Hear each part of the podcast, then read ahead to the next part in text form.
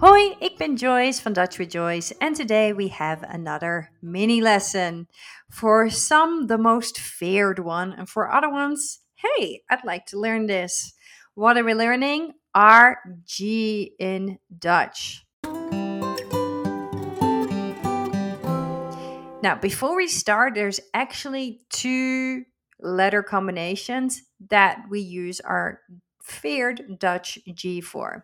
That's obviously the letter G, and we also have a CH combination, which sounds exactly the same. So let's get started.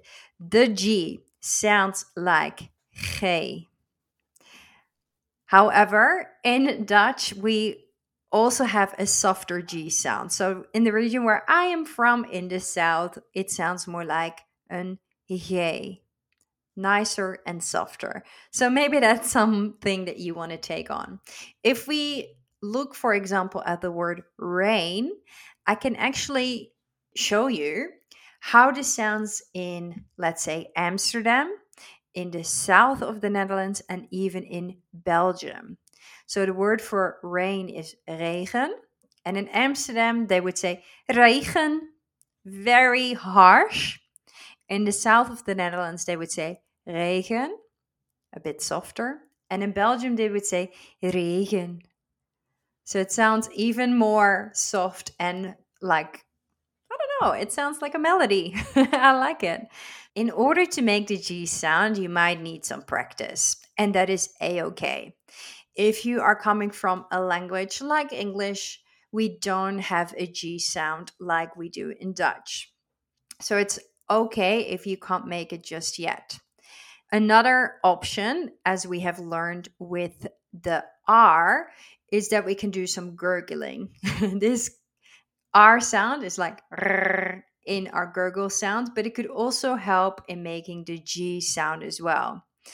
Um, or you can try and cough. If we cough, we can do, you kind of have to make that clearing sound that can make a sound too.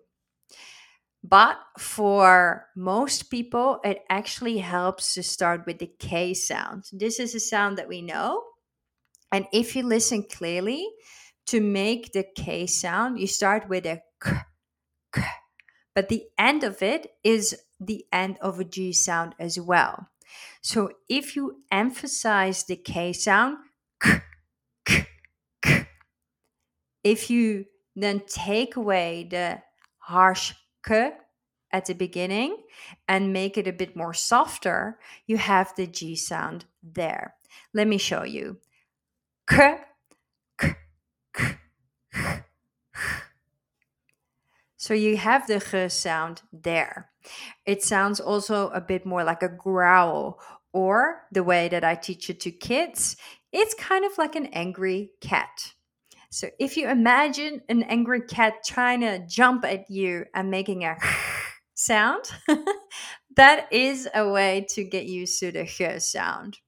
In the end, it's a very throaty sound, and we want to make sure that you practice it enough and maybe even overemphasize it. And it is gonna sound and feel weird when making the sound, but the way that I get used to sounding out things when I'm in choir and it sounds weird doing that way, it's mostly because we are not used to it. So exaggerate as much as you can. And when you get used to it, you can narrow it down and soften it down.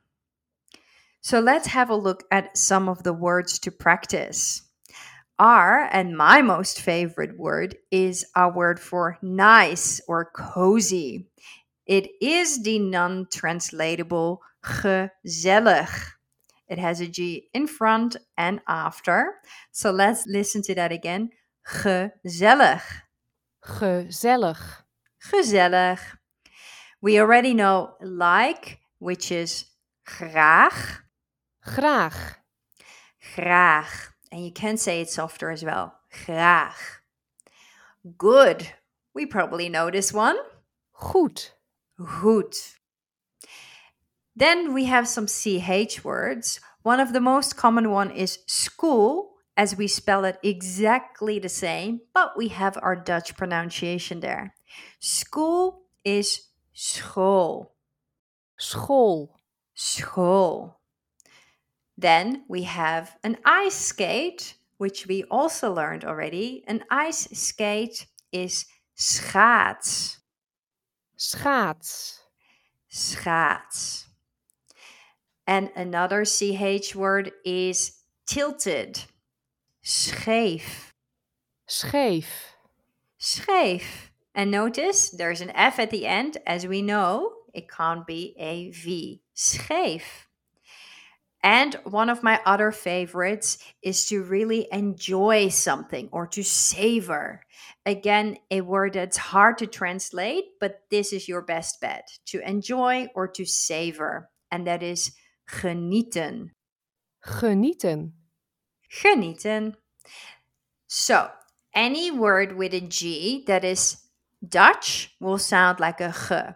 However, there are some borrow words that we have as well, mainly from French. In the French language, there is no G sound. They actually sound their G like a je. Je. So, a couple of words that we often use, however, are from the French language, will not sound like a G. So, for example, a giraffe is spelled with a G. We don't say giraffe, we say giraffe. Giraffe. Giraffe. A massage is also French. We don't say massage, we say massage. Massage. Massage. And the last one, a watch, like the one that you are wearing around your wrist, is a horloge. Horloge. So we don't say horloge, we say horloge. So that's it for today. Practice your G sound. Notice once you get it how it feels in your throat and in your mouth, and keep tackling these G sounds and words. The G. Good luck, and we'll catch you next time. Doei!